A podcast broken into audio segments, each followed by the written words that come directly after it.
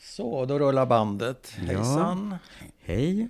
Kul att vara här. Ja, trevligt att få genomföra det här. Ja, vem är du? Eh, Jag heter Thomas Kertész, född 1954 i Ungern i en liten stad som heter Jasberény med, ja, jag vill säga både då och nu. Alltså då 1954 och det stora dået för mig 1944 Ja. när, eh, när judarna transporterades iväg till Auschwitz. Ja, hur många och var det nu idag, som- det är det jag vill komma fram till. Ja. 30 000 invånare cirka. Oj. Och 600 ungefär var judar. Ungefär 500 mördades. 600 av 30 000 och av 600 så mördas 500 i Auschwitz. Just det. Just det.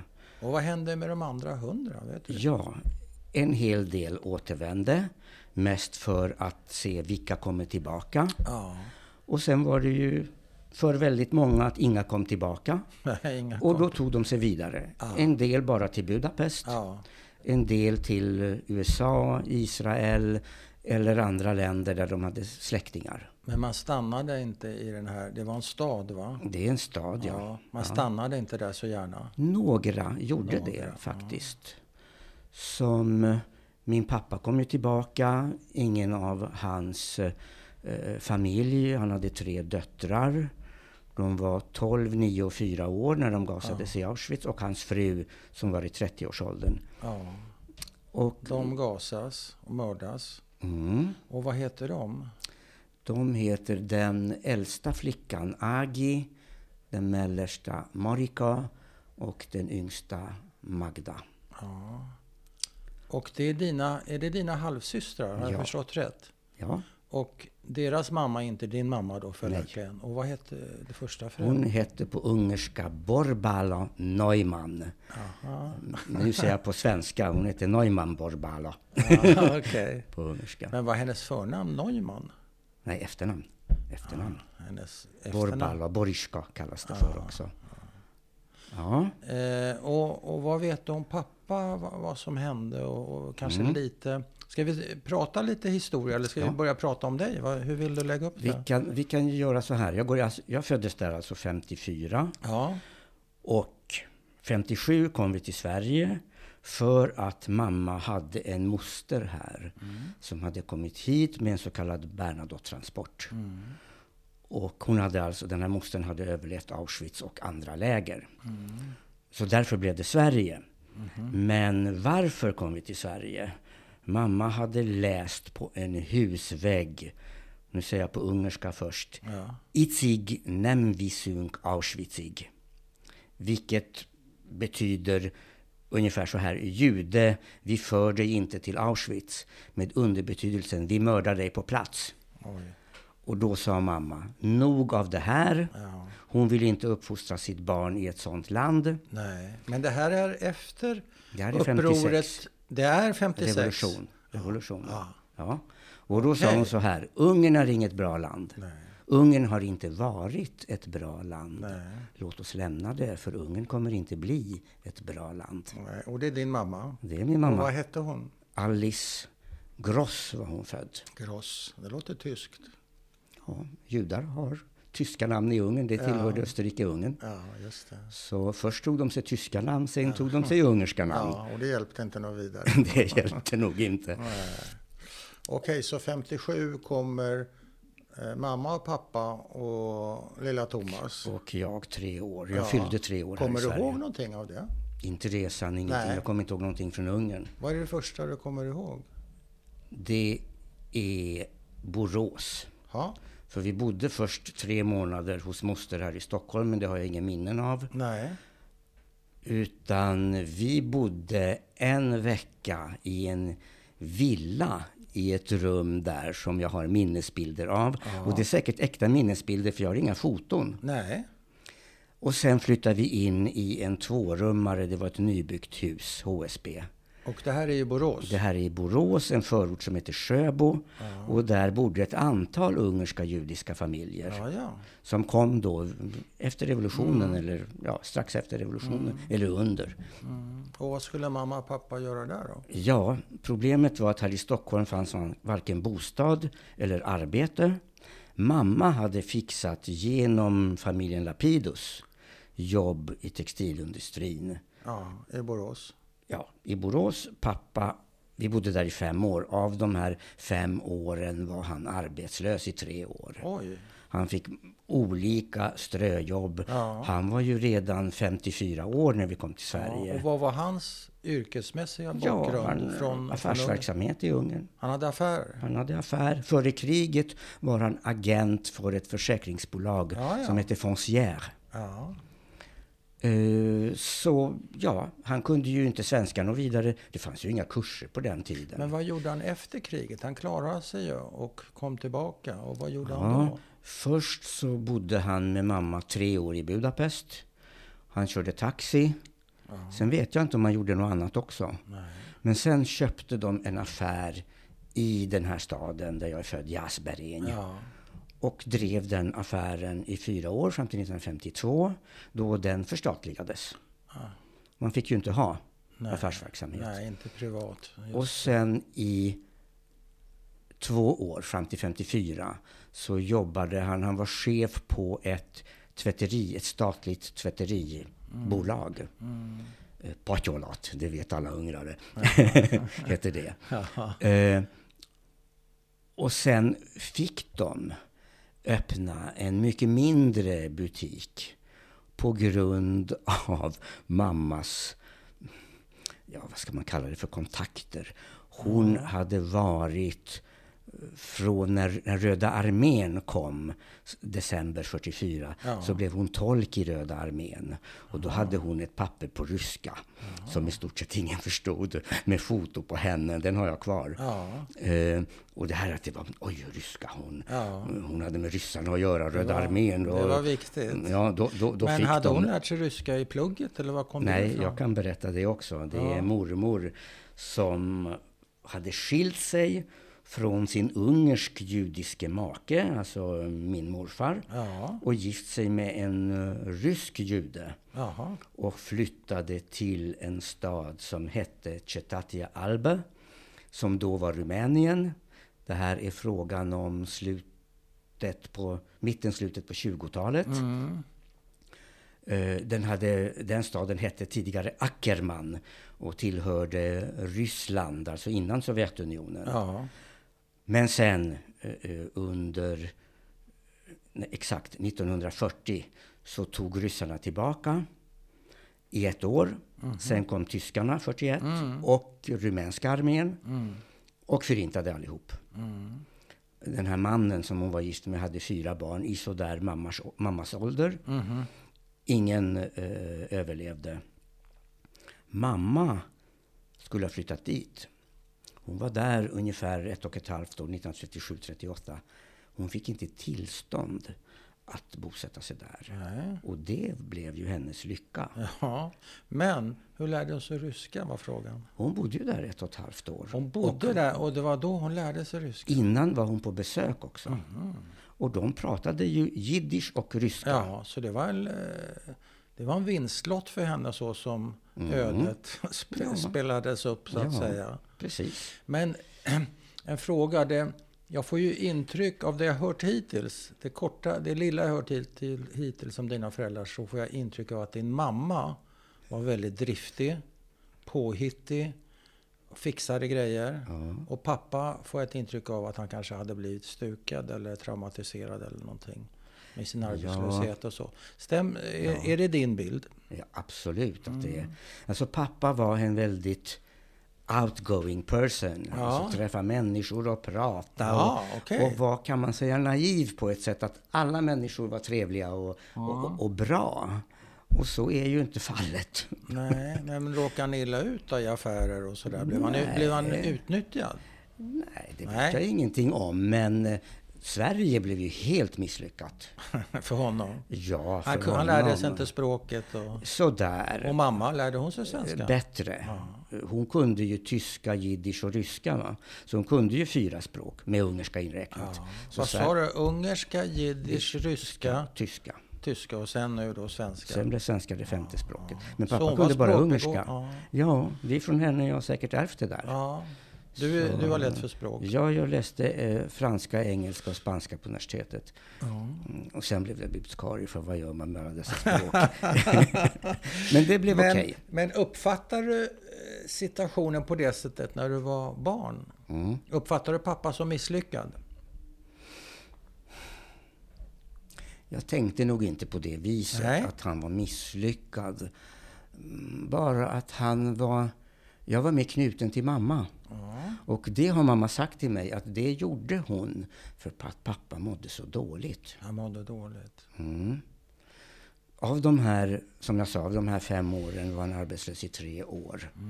Och sen äntligen så kom vi då efter fem år, det vill säga 1962, till Stockholm. Ja. Och då fick han ett stadigvarande jobb på Tekniska museets arkiv med att hålla på plocka papper. Jag vet inte exakt vad Nej. det var. Men där mådde han inte bra. Nej. Det var in, ingenting för en outgoing person.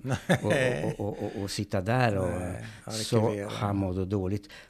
Och det som gjorde det värre. Hans bror, som har ett, hade ett liknande öde Ja. som också miste sin familj. Och Mm. Han och hans andra fru, efterkrigsfru, Mm. kom på besök 1963 och bodde Ja. hos oss i tio dagar. Då mådde han mycket sämre. För brodern bodde kvar i Asbergin. Eh, han levde sitt gamla förkrigsliv i samma hus Ja. med samma möbler. Ja. Han ville ha det så. Och trivdes med det, brorsan? Ja, han Tydligen. trivdes och trivdes. Han ville inte flytta. Nej, han ville inte flytta. Och hans andra hustru, som också var överlevande, Ja. hon ville flytta, flytta till Budapest. Ja. Men det sa han, men det är i Jasberin som jag är Kertis Miklos. Ja. Alltså alla kände honom, han hade haft textilaffär. va? Ja. Jag minns när jag var på besök där på 60-talet, hur många gånger han hälsade på folk och folk Ja, hälsade på ja, ja, honom han var när någon. vi gick där Ja, på, ja. på Stora torget. Han var samma. Han var någon. Ja, ja. Och pappa blev ingen. Nej, där. men vad fick honom att må dåligt av att träffa sin bror? Han Tror borde du? ha stannat i Ungern. Alltså, jag har läst lite Viktor Frankl. Han skriver så här att de här människorna som har varit med om så mycket, Mm. som pappa, en första familj, han bygger upp ett liv, Mm. mister dem, bygger upp ett andra liv med mamma, får en ny familj. Mm. Och sen en emigration som misslyckas. Det blir för mycket. Det, är ett korthus som rasar ihop. Och så var det, så han begick självmord. Din pappa? Ja. Han hängde sig i vårt badrum. Oj. Där på Bastugatan 37 där vi bodde. Det här var... Jag minns för att det var så här. Det var på natten. Jag låg Ni kvar är hemma alltså? I hem, hemma, ja. Jag låg kvar i sovrummet. Och mamma säger Kom inte ut, kom inte ut. Nej. Varför får jag inte komma ut? Naturligtvis kom jag ut. och man passerar en liten gång från sovrummet till hallen. Ja. Och där i gången Ja. finns en dörr in till badrummet. Och där ligger han knäandes. Och jag tar hans hand, den var fortfarande varm. Det fick jag reda på efteråt. Han hade hängt sig i ett bälte. Det hade mamma klippt ner så att jag inte skulle se det. Nej. Och hon sitter i hallen vid telefonen och ska slå 90 000 som det Ja, var då, inte ja. 112 som idag. Nej. Och hon bara sitter där och skakar tänder och kan inte slå 90 000. Jag slår 90 000. Hur gammal är Jag du? var nio och, nio och ett halvt. Och jag minns, jag registrerade då. Det här är den 8 mars 1964 klockan fyra på natten. Det här kommer jag aldrig att glömma. Du tänker så? Det var så där rationellt. Ja. Och egentligen var det inte 8 mars eftersom det var klockan fyra på natten. Det var den 9 mars. Ja, ja, okej. och sen det som var det stora... Men förstod du vad som hade hänt din pappa då? När du tar hans Han hand? död. Ja, du förstår det? Ja. Han du förstår att han, att han har tagit sitt liv? Ja. Han var Och kommer det som en, vad säger man, blixt från en klar himmel eller? Ja. Ja. Det fanns inga, han hade inte försökt tidigare ta tabletter eller så, vad du kände till? Inget vad jag vet om. Nej. Inget vad du känner till? Nej. Men du blir rationell, du blir inte chockad? Eller är det här, ditt sätt att hantera din chock på kanske? Ja, Vad tror du? jag antar det. Jag vet inte. Men jag tycker också att det var ingen gråt, ingenting. Nej. Och så, jag bara står där och så säger mamma, men gå upp till familjen. Vi bodde på bottenvåningen Ja. och familjen Davidovic bodde i huset. Ja, ja. Eh, är det två trappor upp tror jag. Ja. Och så springer jag upp mitt i natten och ringer på. Och så kommer fru Davidovic ut då och jag säger vad som har hänt. Ja. Och sen är jag kvar där. ja. Och sen är jag aldrig tillbaka mer i lägenheten. Vad händer med lägenheten? Vad jag vet, för jag gick till Riksarkivet och kollade. Där finns ett papper Ja. om polisen och Ja. bälte och allt det Allt här. det. Och eh, sen kom polisen. Eh, men jag vet ingenting om det. Men ni flyttar? Vi flyttar.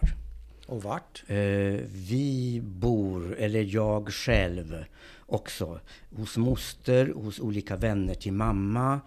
Eh, jag bor ett antal veckor hos min klassföreståndare. Oj. Och sen är jag på ett kollo, Älvestorp. Jag vet inget mer. Vi åkte eller jag med andra barn Ja. åkte till där Älvestorp. vänta Var ligger Älvestorp? Var är mamma någonstans Hon är hos andra, hos vänner. Och- Som tar hand om och- och- henne? De tar hand om henne. Och hon under tiden, det här är alltså mars när pappa dör. Och i juni kommer jag tillbaka. Då har hon skaffat en ny lägenhet i Bagarmossen. För där bodde moster. Så skulle ni någon gång om vad som hände? Mamma ville inte prata om, inte prata om det här. Jag tog upp det. Att, var, hur dog pappa egentligen? Ja. Och det var ju liksom allt möjligt. Inte självmord, nej, nej.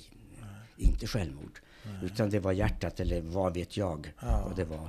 Förrän sen 1979, då är jag ju 25 år. ja. Då kommer en kusindotter från Ungern och bara kläcker ur sig Ja. att eh, ja, pappa som hängt sig. Va?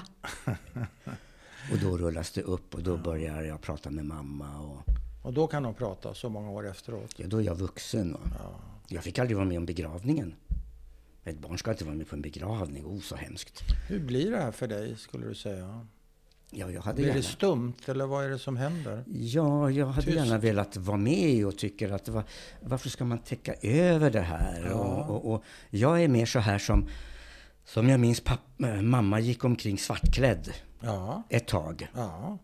Inte enligt judisk tradition, Nej. men liksom så skulle det vara. Va? Ja. Och jag sa till henne ett tag, nej, bort med det där, inga svarta kläder. Och det tycker jag även idag. Du kan ju sörja ändå. Ja, Vad ska ja. de där kläderna? Det Ja, spelar väl ingen roll. nej. Så hon tog av sig det där. Ja. Sen och ni skulle leva så gott det går, var ett vanligt liv igen. Ja. Och vi åkte till Ungern, hälsade på släktingarna och Ja. ja, sen rullade väl livet på. Jag gick i skola. Eh, ja, och mamma var ju alltid sjuklig, så det var ju inget vidare. På vilket sätt? Hon hade angina pectoris och 1967 hade hon en hjärtinfarkt, men det klarade hon. Hon hade spondylos, en rygsjukdom, som gjorde till slut att hon blev, underkroppen blev förlamad. Och hamnade på Karolinska för operation 1982. Mm. Och eh, ja, i och för sig lyckades den första operationen men det räckte inte. De skulle göra en andra operation också. Eh, Men då, då fick hon den så kallade sjukhussjukan, det vill stafylokocker. Ja. Och då kunde inte träningen fortsätta. Och sen blir det Roslagstulls sjukhus. Och ja, det, är en, det är tre år på sjukhus och sen Ja. dör hon. Och sen dör hon. Hur gammal är hon då? 68. Ja, det är ju ingen ålder. Nej. Men läkaren sa att hennes biologiska ålder var 80 någonting. Jaha. Vad menar han med det, tror du? Hon var så sliten. Ja, sliten. Hon hade haft ett hårt liv, mamman. Det var ett hårt liv och det där med ungen också att hon insåg ju då 1944, hon hade en livsmedelsaffär som hon sålde och sparade pengarna i tandguld. Ja, För det kunde man ju Det sälja av. Hon visste att efter ett krig kommer pengarna Ja. inte vara någonting värda. nej. Hon var inne någon dag på ett så kallat judehus säger vi väl, men alltså Ja. man satte upp den gula stjärnan och Just det var det. bara judar. En dag sen sa hon, nej det här blir inget bra, ut därifrån. Mm.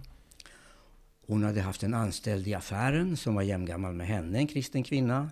Hon la beslag på den här kristna kvinnans identitetshandlingar Oj. och sa att hon hade tappat bort dem och skaffat henne nya handlingar. För hon tänkte det är bättre att ha gammalt. Så hon bytte identitet. Hon hade på sig svarta kläder och svart slöja och stort kors och spelade krigsänka. Jaha. Bodde i Budapest, bodde i en stad norr om som heter Vats. Och pendlade. Och klarade sig på det här viset. Ja. Men efter kriget så Så var det slut lite. struma-operation Ja. och låg i livsfara i 48 timmar. Ja. Men klarade sig. Och sen gifte sig med pappa. Hur träffas de? Hehe. Det är en speciell historia Ja. som jag visste ingenting om. Nej. Men jag såg i en eh, minnesbok, eller vad det blir på svenska, där på sista sidan 1935, Ja. det finns datum där, skriver pappa att jag ska vara den sista du glömmer. Jaha, Och så blev det ju. kan man säga. Så att de hade faktiskt en relation. Ja. Och det var så här, det fick jag reda på av en av dem som jag har intervjuat. En judinna från Jasper. Eh, för mamma var släkt med den här intervjuade kvinnans mamma. Mamma är där på besök. Och pappa var god vän till den här intervjuade kvinnans pappa. Så där träffas de. Där träffas de. Mamma är 21, pappa 32. Ja. Stor förälskelse. Ja. Men det kan inte bli något. Pappa är gift. Han hade då två barn redan. Den tredje var inte född än. Nej. Så mamma bor i Budapest och det, det är liksom ingenting. Nej. Och då skulle hon flytta där till Bessarabien till min mormor. Men det, hon fick ju inte tillstånd som jag berättade. Och så kommer hon tillbaka. Och så kommer ju kriget och ja, jag ska gå in på pappa också vad som hände honom. Och så kommer han tillbaka då, ingen familj. Nej. då kan de gifta kan sig. Det, då blir det. Vad händer pappa? Hur överlever han kriget Ja, om vi tar du vet, det? ungerska män var ju i... De fick inte vara soldater. Ja, men arbetssoldater fick de vara. Ja.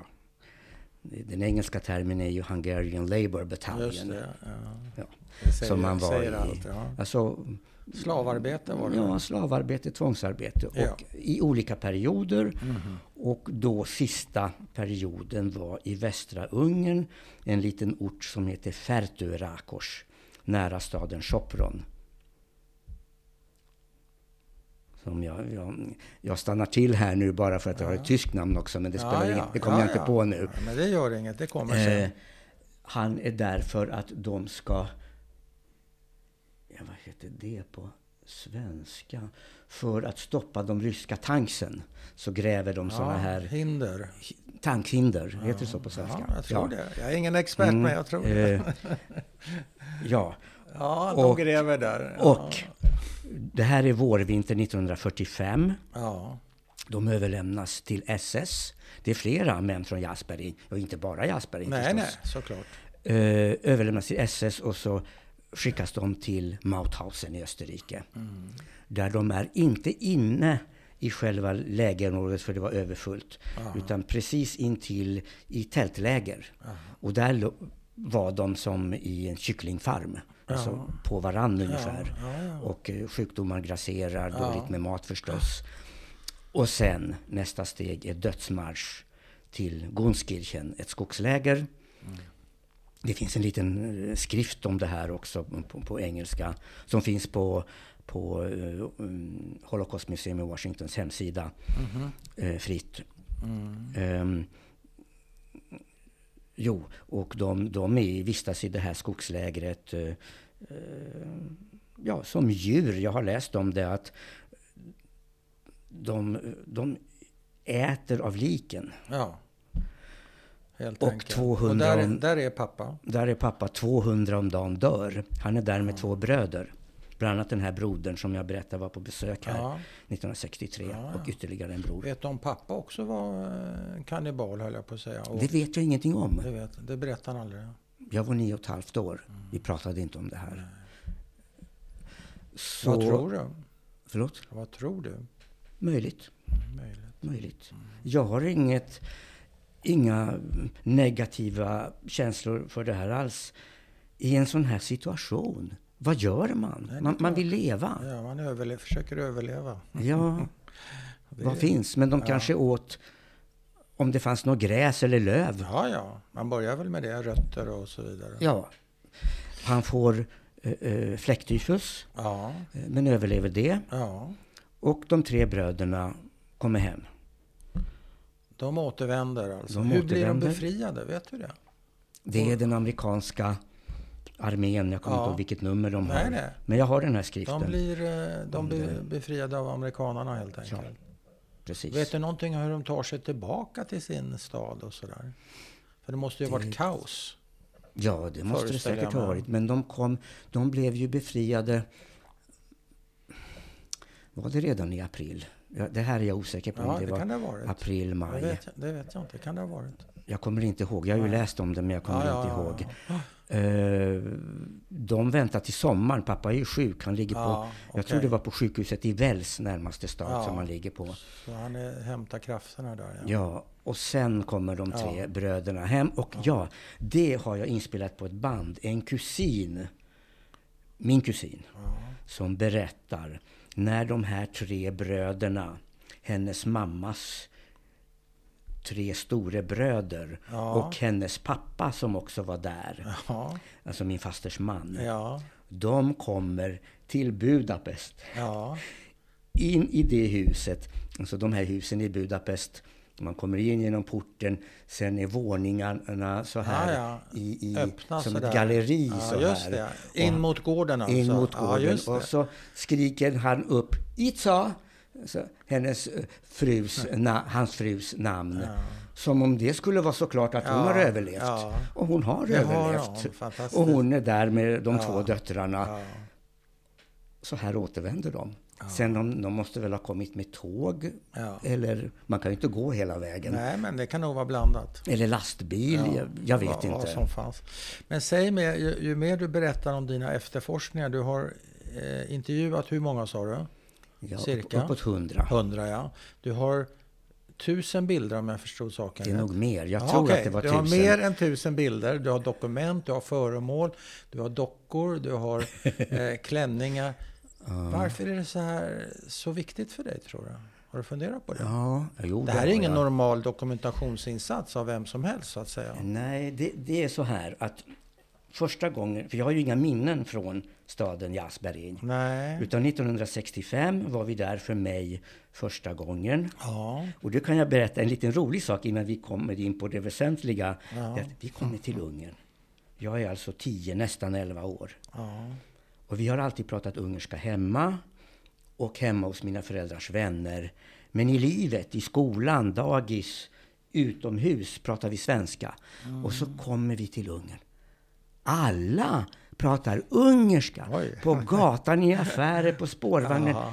Nej, men vad är det här för något? Ja. Alltså, ett barn kan inte föreställa sig. Nej. Men vi kommer till Jasbergen, in i synagogan, som Ja. då fortfarande finns kvar. Den revs slutet på 60-talet. Ja.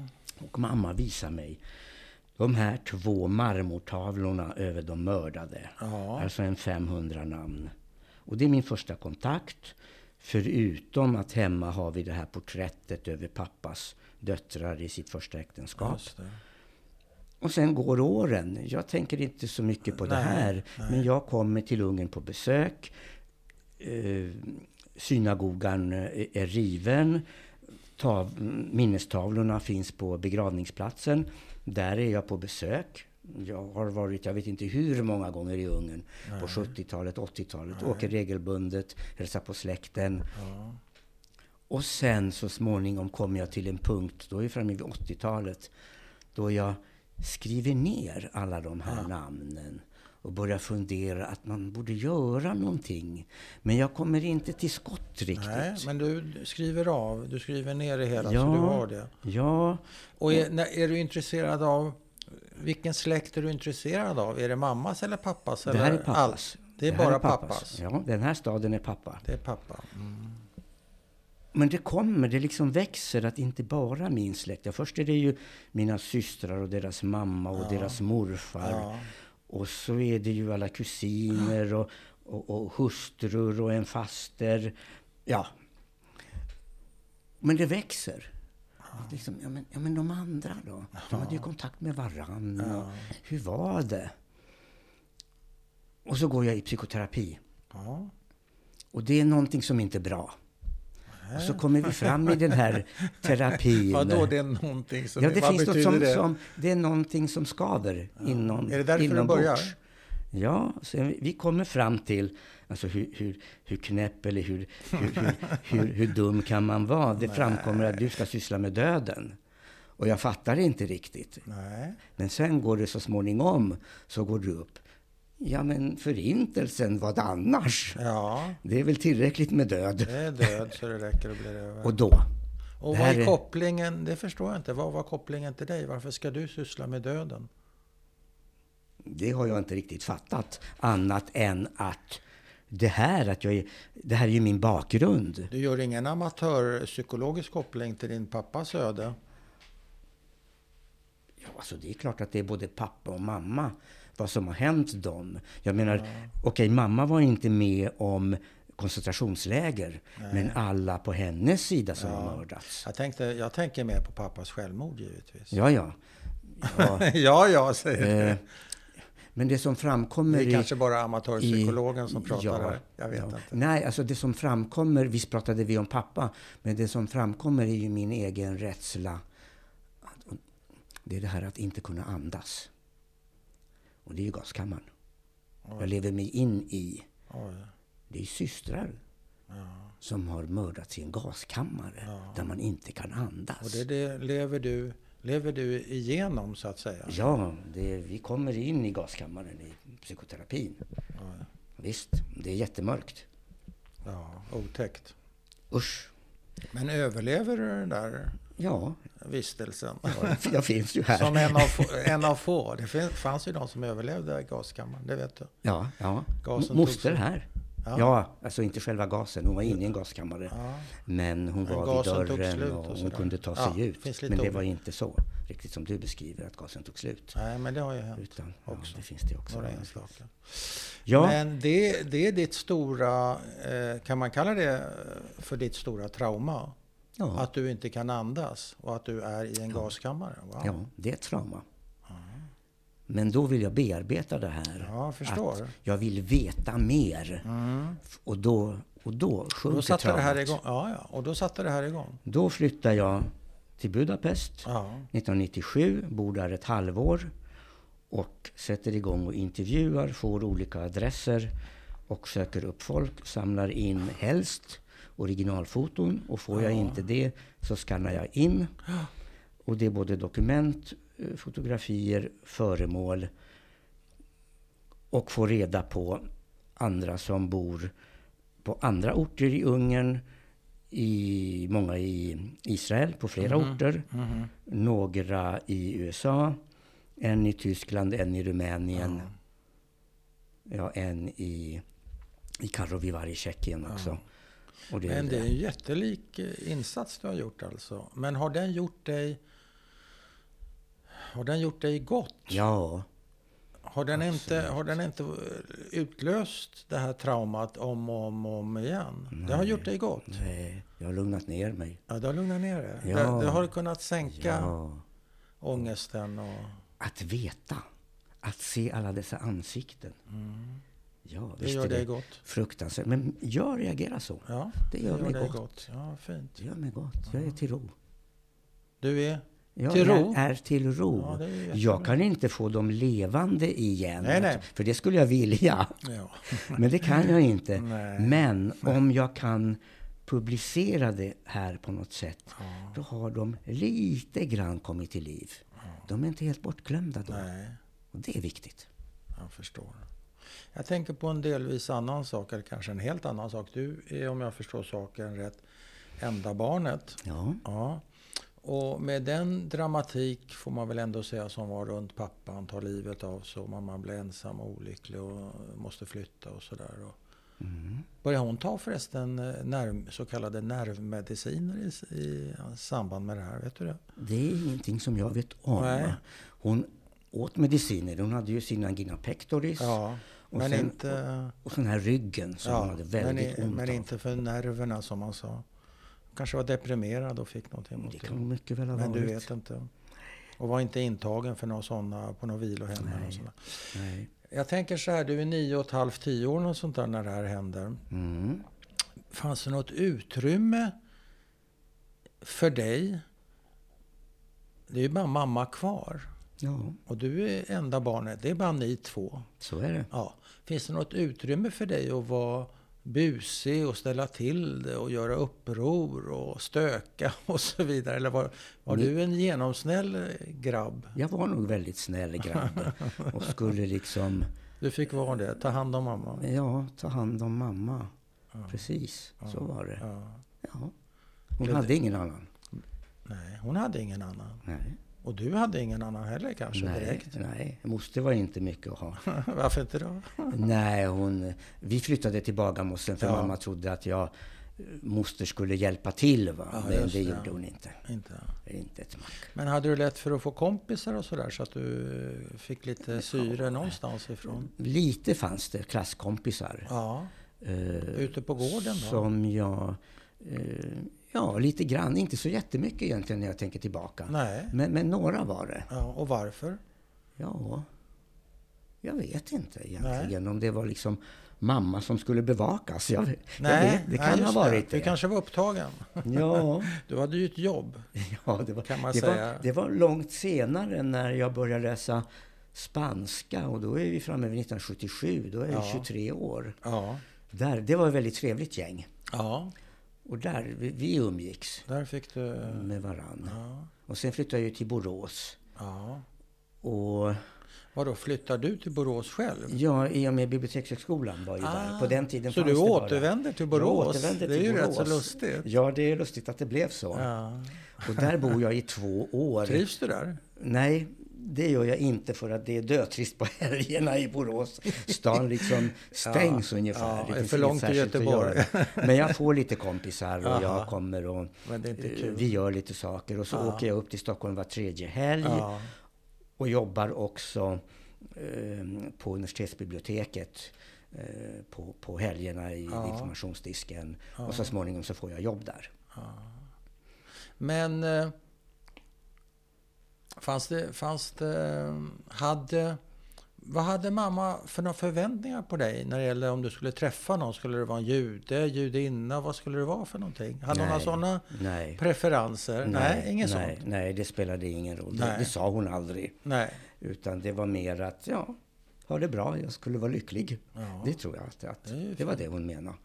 Så det, det var bra. Nej, och, och, och de var ju inte religiösa mina Nej. föräldrar. Det är min mormors föräldrar som var ortodoxa. Ja, ja. Och pappas föräldrar, nej. Alltså, min mormors far, som ju var ortodox, han sa om judarna i Asperger, där är till och med, till och med vattnet trefel, Oj då.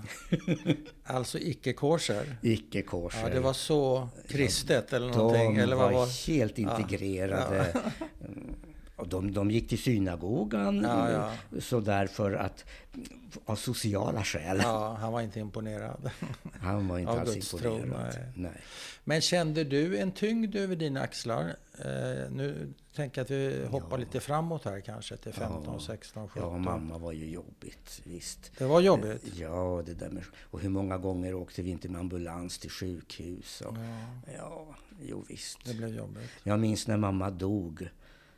Så satt jag där i fåtöljen och tänkte att ja, nu, be, nu är hon död. Nu behöver jag inte vara orolig mer för att hon ska Nej. dö. Nej, Ja, det är en rätt så fin tanke ja, på sitt sätt. ja, men det var jobbigt. Men du var med på den begravningen? Ja, ja. Till skillnad från Ja. pappas menar jag. Ja, det är klart. Ja, den var du med på. Det är klart. Men jag var nog lite borta i huvudet då. Ja, ja, men det är inte så konstigt. så, nej. Men hur blev det då att förlora eh, morsan också? Även om hon så att säga var, ja, hon var inte gammal, men Jo, jag minns att jag tänkte, nu är jag helt ensam. ja, Det finns inte någon. nej. Så, för moster räknar jag inte med. Det, det var inget att ha. Nej. Eh, Hon betedde sig inte på det viset. Nej. Och släkten i Ungern, ingen det är för långt borta. Ja. Jag åkte ju och hälsade på. Ja, ja. Men Så hur, hur lägger man upp en sån strategi? att leva? Ja, exakt. Ja, Och känna sig helt... Kände du dig övergiven eller var det bara så här det var? Du verkar vara rätt så jordnära person på sätt och vis. ja, Eller så är det efterkonstruktioner. ja, det kan man alltid fråga sig. Precis. Ja, övergiven, ja, kanske på ett sätt. Men sen samtidigt så var jag ju fri. Ja, du var befriad, fri. Ja. Exakt. Och, nu, och jag, jag minns som barn, det där kom jag på nu, att jag tänkte att nej, alla dessa problem som mina föräldrar har Ja. och vad jobbigt det är Ja. när jag blir vuxen. Vad skönt det ska bli att bli vuxen. Så jag slipper allt det här. ja. Hur gammal är du när du tänker sådär då? Ja, Lite det- lillgammal? Det var i Borås och jag var åtta Ah. år när vi flyttade därifrån. Så det var innan åtta år. redan då kände du att det här är... Mm. Och blev det så? Ja, det var skönt. Ja, men blev ditt liv så som du tänkte när du var åtta år? Ja, alltså jag blev, jag blev, det låter hemskt att säga, jag blev befriad från mina föräldrar. Ja. Eftersom det var så hemskt för dem. Ja. Och jag kunde ingenting göra. Vad skulle Nej. jag ha gjort? Nej. Nej, vad skulle du ha gjort? Ja, Men blev det bra för dig? ja. Jag fick ju det här jobbet på Ja. universitetsbiblioteket Ja. och det, det passade mig. Ja. Jag är en ordentlig person. Ja, uppenbarligen. Och liksom, jag blev katalogisatör, jag är analytisk. Och det var, ja, jag tror det passade mig helt enkelt. Och jag jobbade där i 41 år. ja, det är länge. Förutom den här utflykten till Judiska biblioteket. Mm. på några år. Men det tycker jag är väldigt eh, trösterikt att höra. För du har ju haft en, eh, som jag uppfattar det, ett kämpig start. Ja, ja det Eller hur? Det var väldigt jobbigt. Det ena på det andra liksom. Ja, ja, det var mörkt. Ja, det var mörkt. Mm. Bokstavligt talat mörkt, eller? Ja, ja, ja, Var det fördragna gardiner alltså? ja, ungefär. Det var så? kanske ska kalla det för. Ja. Ja, men sen blev det ljust. ja. Mm. Fint. Saknar du dina föräldrar? Och, och kan, får man vara så fräck och fråga om du saknar den ena mer än den andra? Du var ju väldigt Ja. nära din mamma sa du. Ja, man kan säga så här. Jag saknar båda två. Mm. Framför allt mamma. Men sen är det en sån här känsla att jag saknar att inte kunna ta hand om dem på, ålders, på deras ålders Ja, höst. jag förstår. Ja.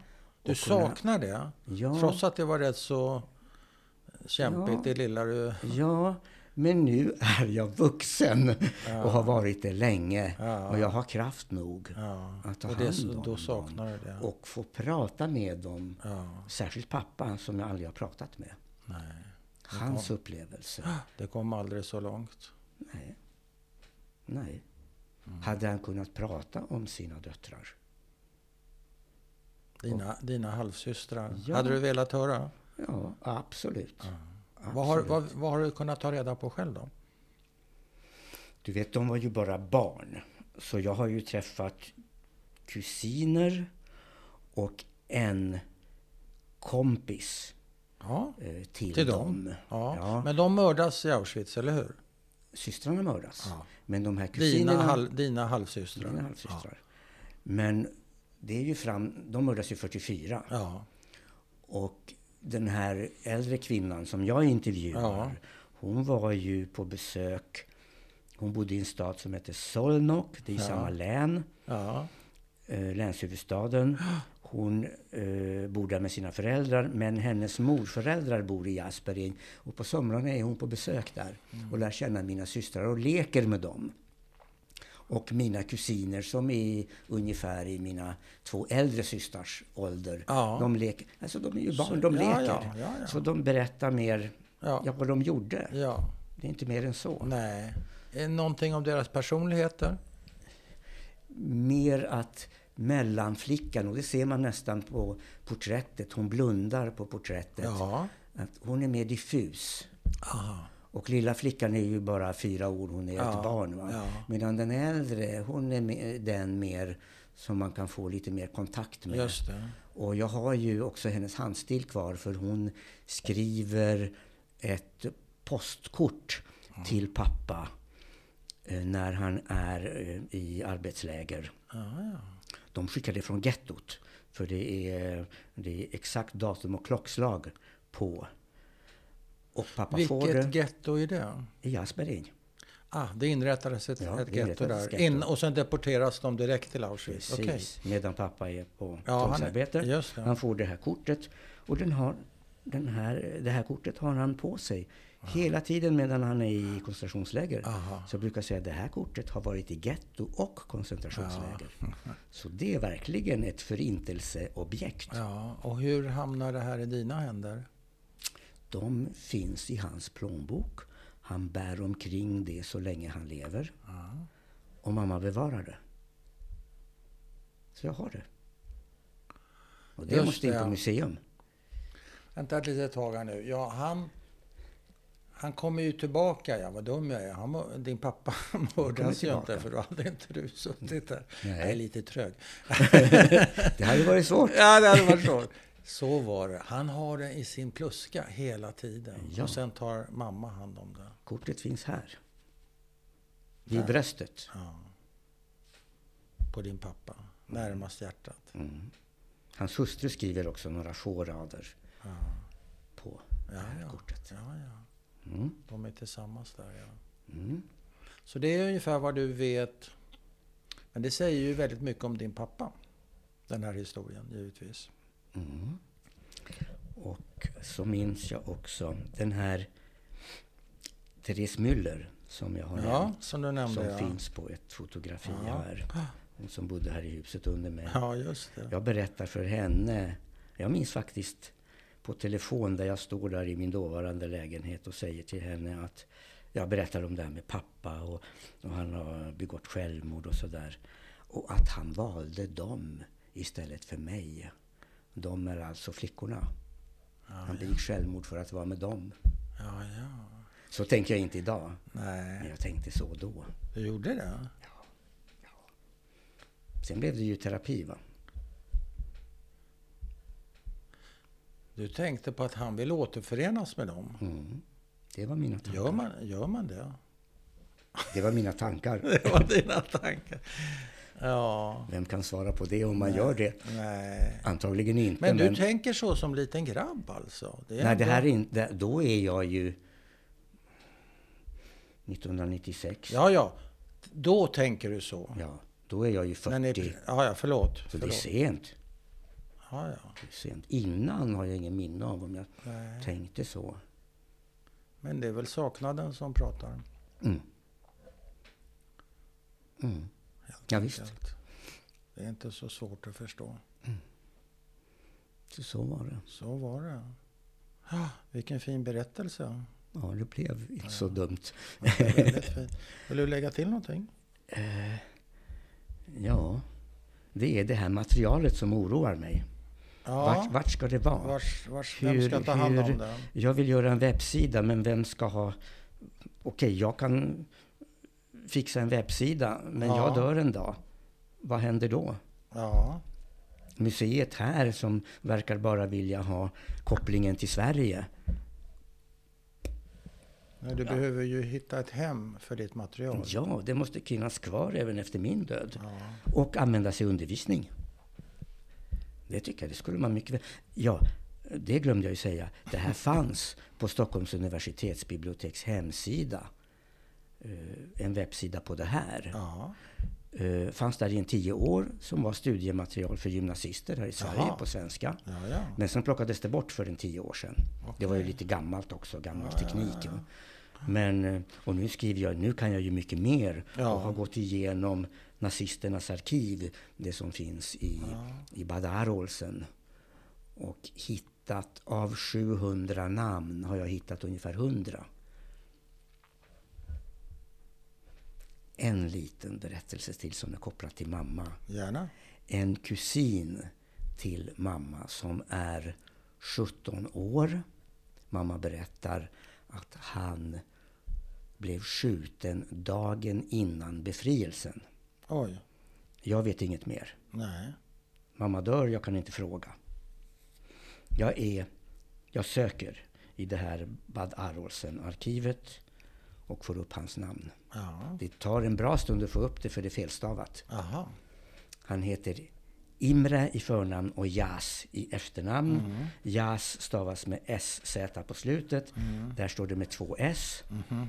Och Imre är ju Emmerich på tyska. Det står det. Emmerich där. då, var Jag mycket... har hans exakta födelsedatum. Ja, ja. Det är han. Han är på tvångs, tyskt tvångsarbete i ett läger väster om Auschwitz som heter Tsebinia, TRZ, det på. Ett kort där det står transportnummer och så den här orten och så är det en annan man från Jasbergen som jag vet vem han är. Exakt samma transportnummer. Mhm.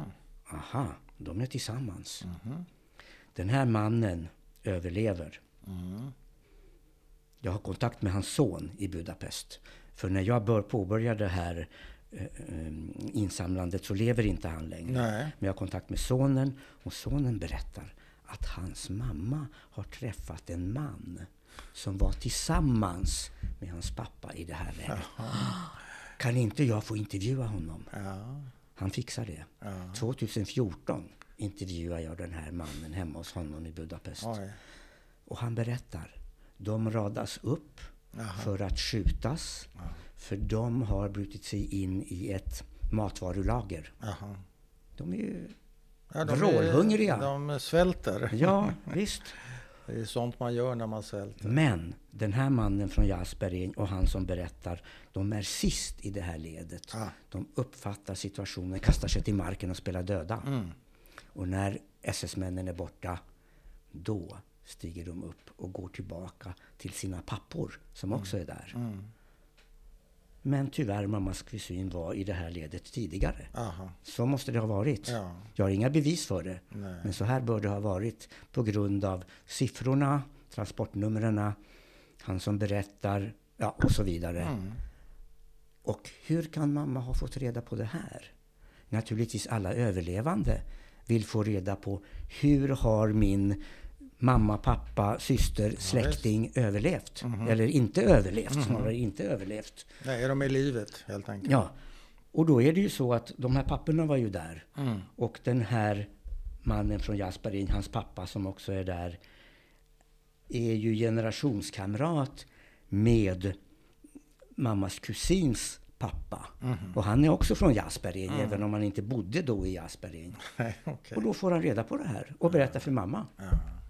Så bör det ha varit. Ja. Bör det ha varit. Ja. Så, Tack så mycket. Det varsågod. var väldigt fint att lyssna på din berättelse. Tack. Tack.